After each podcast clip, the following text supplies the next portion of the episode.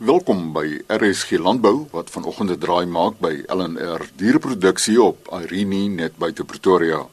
Die 4de globale wetenskaplike konferensie oor klimaatslim landbou het aan die einde van November in Johannesburg plaasgevind en ons verneem by spesialis navorser professor Michiel Skols. Net eers as 'n agtergrond, moet ons kyk na wat se drie pilare van klimaatslim landbou. Die eerste pilaar is verhoogde produktiwiteit of dan verhoogde produksiedoeltreffendheid wat natuurlik met verhoogde inkomste gepaard sal gaan. Die tweede been is verdraagsaamheid teenoor klimaatsverandering of dan aardverwarming en die derde been is dat dit baie belangrik is dat die landbousektor sal daarna moet mik om die kweekhuisgasse vanaf die landbousektor te verminder. So dis die drie pilare van klimaatslim landbou. En op die oomblik het ons hier by die LNR op Irene saam met Vryheid Universiteit en die Departement van Noord-Kaap 'n span wat kyk na klimaatslim diereproduksie waar ons veral fokus op vleisbeeste op hierdie stadium want vleisbeeste is die uh, bedryf die eksterne bedryf wat die meeste van ons natuurlike hulpbronne benut en dis ook ons besluit het om met vleisbeeste te begin. Uh, tydens hierdie uh, kongres het ek na vyf aspekte gekyk wat aan klimaatslim landbou gekoppel kan word. Die eerste een was die gebruik van inheemse of dan aangepaste rasse om aan te pas by die verandering in klimaat. En dit gaan natuurlik van die onderstelling af uit dat sekere genotipes makliker by veranderde klimaat gaan aanpas as ander. Uh en ons inheemse rasse lyk of hulle baie goeie rol hierin kan speel. Die groot bedreiging vir ons inheemse rasse is egter ongekontroleerde kruisteelt want dan gaan die rasse se unieke eienskappe verdwyn. Ek gaan later meer sê oor kruisteelt. So die eerste uh aspek wat ek aangespreek het, is die gebruik van aangepaste rasse om by klimaatsverandering in te pas. Uh die tweede een is die ontwikkeling van vroeë waarskuwingsstelsels. En of hierdie stelsels nou gemik is op die waarskuwing teen koue, teen hitte, teen vloede of teen droogtes maak nie saak nie. Maar as ons 'n goeie langtermynvoorspellingsstelsel in plek kan kry, dan kan ons boere raad gee oor hoe hulle teelstrategie of hulle teeldoelwit vir die volgende teelseisoen moet lyk. En uh, Ellen R Irene wat die diereproduksiegroep is, saam met die LNR se grondklimaat en water, is besig om te kyk na sulke langtermyn voorspellingsmodelle waar ons uit die uiteraard iemand soos professor François Engelbrecht van die WNR sal moet intrek want dis waar die kundigheid lê. Die derde aspek waarna ek gekyk het, is alternatiewe teeldoelwitte wat op klimaatslim vleisproduksie gemik is en Muchabi Mkolobate het 'n baie goeie plakkaat hieroor aangebied waar sy 'n teeldoel wat ontwikkel het wat gebaseer is op die kilogram kalf gespeen per groot vee eenheid gepaar. Uh baie van die teeldoelwitte is net op uitsette gemik. Hierdie teeldoelwit kyk ook na insette. Die uitset is 'n kilogram kalf gespeen per koei gepaar, maar die inset is dat sy kyk na die uh per groot vee eenheid gepaar. Nou 'n groot vee eenheid kan ons koppel aan voerbehoeftes, voedingsbehoeftes. Uh een groot vee eenheid het van 'n spesifieke voer so 9 kg droë materiaal per dag nodig. So as jy nou kilogram kalf gespeen per voername uitdruk, dan kom jy met 'n koei kalf doeltreffendheidsindeks na vore wat baie belangrik vorentoe gaan wees want dit gaan doeltreffendheid van produksie verhoog, nie net produksie nie. Die interessante is, sy het gevind dat in die geval van die Afrikaner ras het die kalf se speengewig uh, met 18,3 kg toegeneem. Die koei gewig het met 8,3 kg afgeneem en die kalfinterval het met 19,7 dae korter geword. En as sy hierdie dan ingooi in haar uh, doeltreffendheidsindeks, dan sien ons dat die Afrikaner koei se koei doeltreffendheid het met 18,3% verbeter. Maar meer belangrik is, die koolstofvoetspoor het met 12% afgeneem. En dit is hierdie inligting wat belangrik gaan word as die staat daaraan dink om 'n koolstofbelasting in te stel. Dan sal ons vir die staat moet wys hoe het vleisbeesproduksie se koolstofvoetspoor alreeds oor die jare verbeter met die nuwe telingstegnieke en uh, seleksiemetodes wat ons het. So dis baie belangrik dat ons die na die koolstofvoetspoor ook moet kyk en nie net na produksie nie. Die die die vierde aspek waarna ek gekyk het, was gestruktureerde kruisteelt en Anet Tenison van Valarts het gewys dat jy kweedoeltreffendheid met tot amper 40% kan verbeter as jy gebruik maak van gestruktureerde kruisteeling waar jy byvoorbeeld 'n F1 kruiskoei as jou moederlyn gebruik en dit met 'n derde ras bulpaar. En die interessante is, ons het 'n student, 'n vroue student van Iran, Razi Korsidi, wat besig is met haar PhD in Kanada en sy gebruik die kruissteel data van die Afrikaner op Valarts. En uh, sy het by die onlangse kongres 'n eerste prys vir hierdie plakkaat gekry. En ons was eintlik almal verbaas dat sy 'n prys kry op hierdie tipe kruissteel data terwyl daar plakate was wat aan die moderne genomika en die hoogs wetenskaplike aspekte kyk. Ek dink die belangrike is dat sy iets unieks aangebied het. Dat 'n ras uit Afrika in 'n gestruktureerde kruissteelprogram gebruik kan word en baie goeie voordele gee.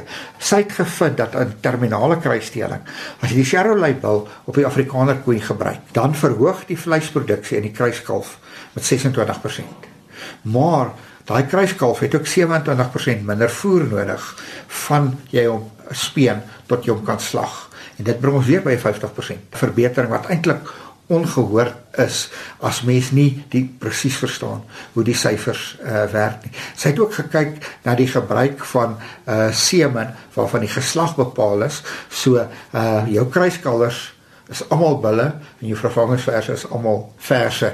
So die gebruik van geslagbepaalde semen kan ook 'n groot rol hier speel. Die laaste aspek waarna ek gekyk het, is die effek van weerpatrone op die groei van vleisbeeste.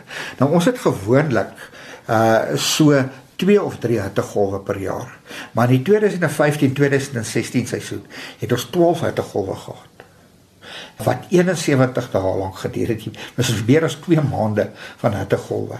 Uh, ek weet nie of die mense dit altyd besef dat 2015-16 was regtig die ergste jaar wat Suid-Afrika nog ooit beleef het. Gelukkig het ons diere in die voerkraal gehad waar ons hierdie effek van hierdie uh, hittegolwe uh kon bestudeer. Ek kan net noem aan die Valarts kruisteelproef word Afrikaner, Bonsmara en Nguni koeie gepaar met Afrikaner Bonsmara Nguni, Angus en Simmentaler bulle.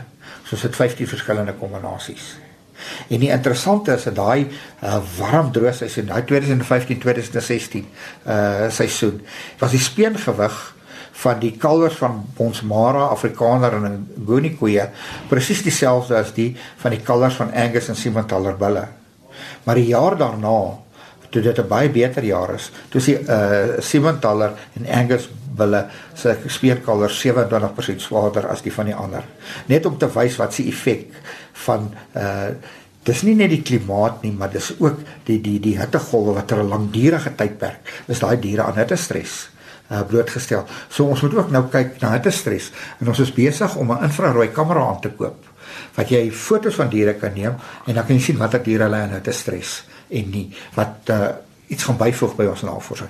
Die interessante is toe ons hierdie verskillende kruiskalvers in die voerkraal gehad het, het die groei tempo van die Angus en Simmentaler kruiskalvers met 17% afgeneem gedurende hierdie hittegolf dae terwyl die van die Afrikaner Bonsmara en Nguni bulle net met 9% afgeneem het. En dit is ook vir voerkrale belangrik. As ons vir voerkrale kan voorspel in sekere seisoene gaan dit baie warmer wees, kan dit vir hulle sê watter tipe genotipes hulle in die voerkraal moet sit wat nie so erg geaffekteer gaan word deur die hittegolwe nie kan ek iets so sê oor uh seleksie vir alternatiewe doeltreffendheidseienskappe.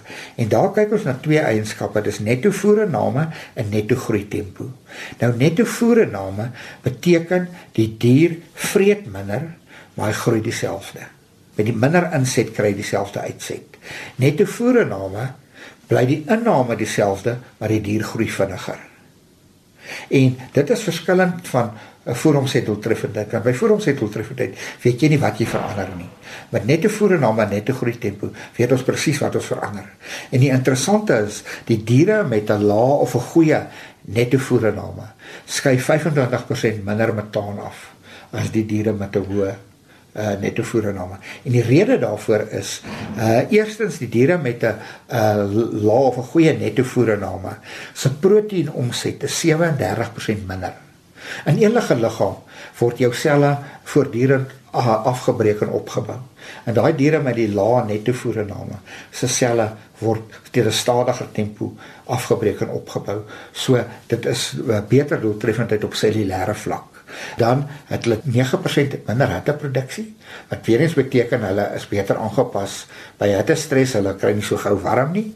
Die interessante is die hulle verteerbaarheid van die voer is 10% beter. So nou begin ons al selekteer op eienskappe wat uh, verband hou met die verteerbaarheid in die rumen, wat waarskynlik met die rumen organismes te doen het, wat ons verder sal moet kyk. En dan as hierdie diere met die netto voerenname ook so 'n bietjie luier met die goeie netto voerenname, ook so 'n bietjie luier as die ander want hulle aktiwiteit is so 10% uh, minder, maar uh, ek wil graag dat Jurgen Hendrik vir jou die fasiliteit gaan wys waar ons netto voerenname meet by ons Bultwood sentrum.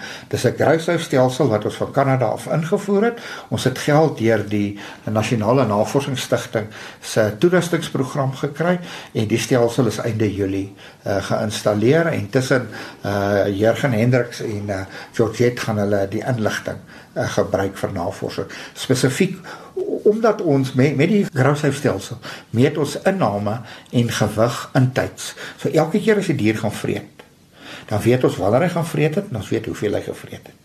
Elke keer as hy water drink, dan weet ons wanneer hy water gedrink het, hoeveel water hy gedrink het en wat hy geweeg het, want hy word geweeg ook as hy gaan water drink. So nou kan ons as vandag warm is, dan weet ons presies wat ons vandag se voerinname, vandag se uh, waterinname en as môre koeler is, dan weet ons presies wat sy effek het klimaat op inname, groeitempo en waterinname. En dit is interessant. Dit lyk of die ngoni opmaak deur meer water te drink. Ons het altyd gedink die ngoni kan met minder water klaarkom. Dit lyk of die ngoni opmaak deur meer water. Dit dink wat seker sin maak. Uh, dit is 'n manier hoe om van hitte ontslae te raak is uh, verhoog net die waterinname. Baie dankie professor Michiel Skols, spesialis navorser by LNR Irene Sy e-posadres gskols@arc.agric.za gskols@arc.agric.za Professor Michiel het verwys na die ingevoerde Kanadese fasiliteit by die sentrum wat voer en waterinname meet. Met ander woorde, voerinname en gewigtoename word intyds gemeet en fotos van hierdie fasiliteite is op die Elsenburg se webtuiste www.elsenburg.com. Vanaf Irene, beste wense.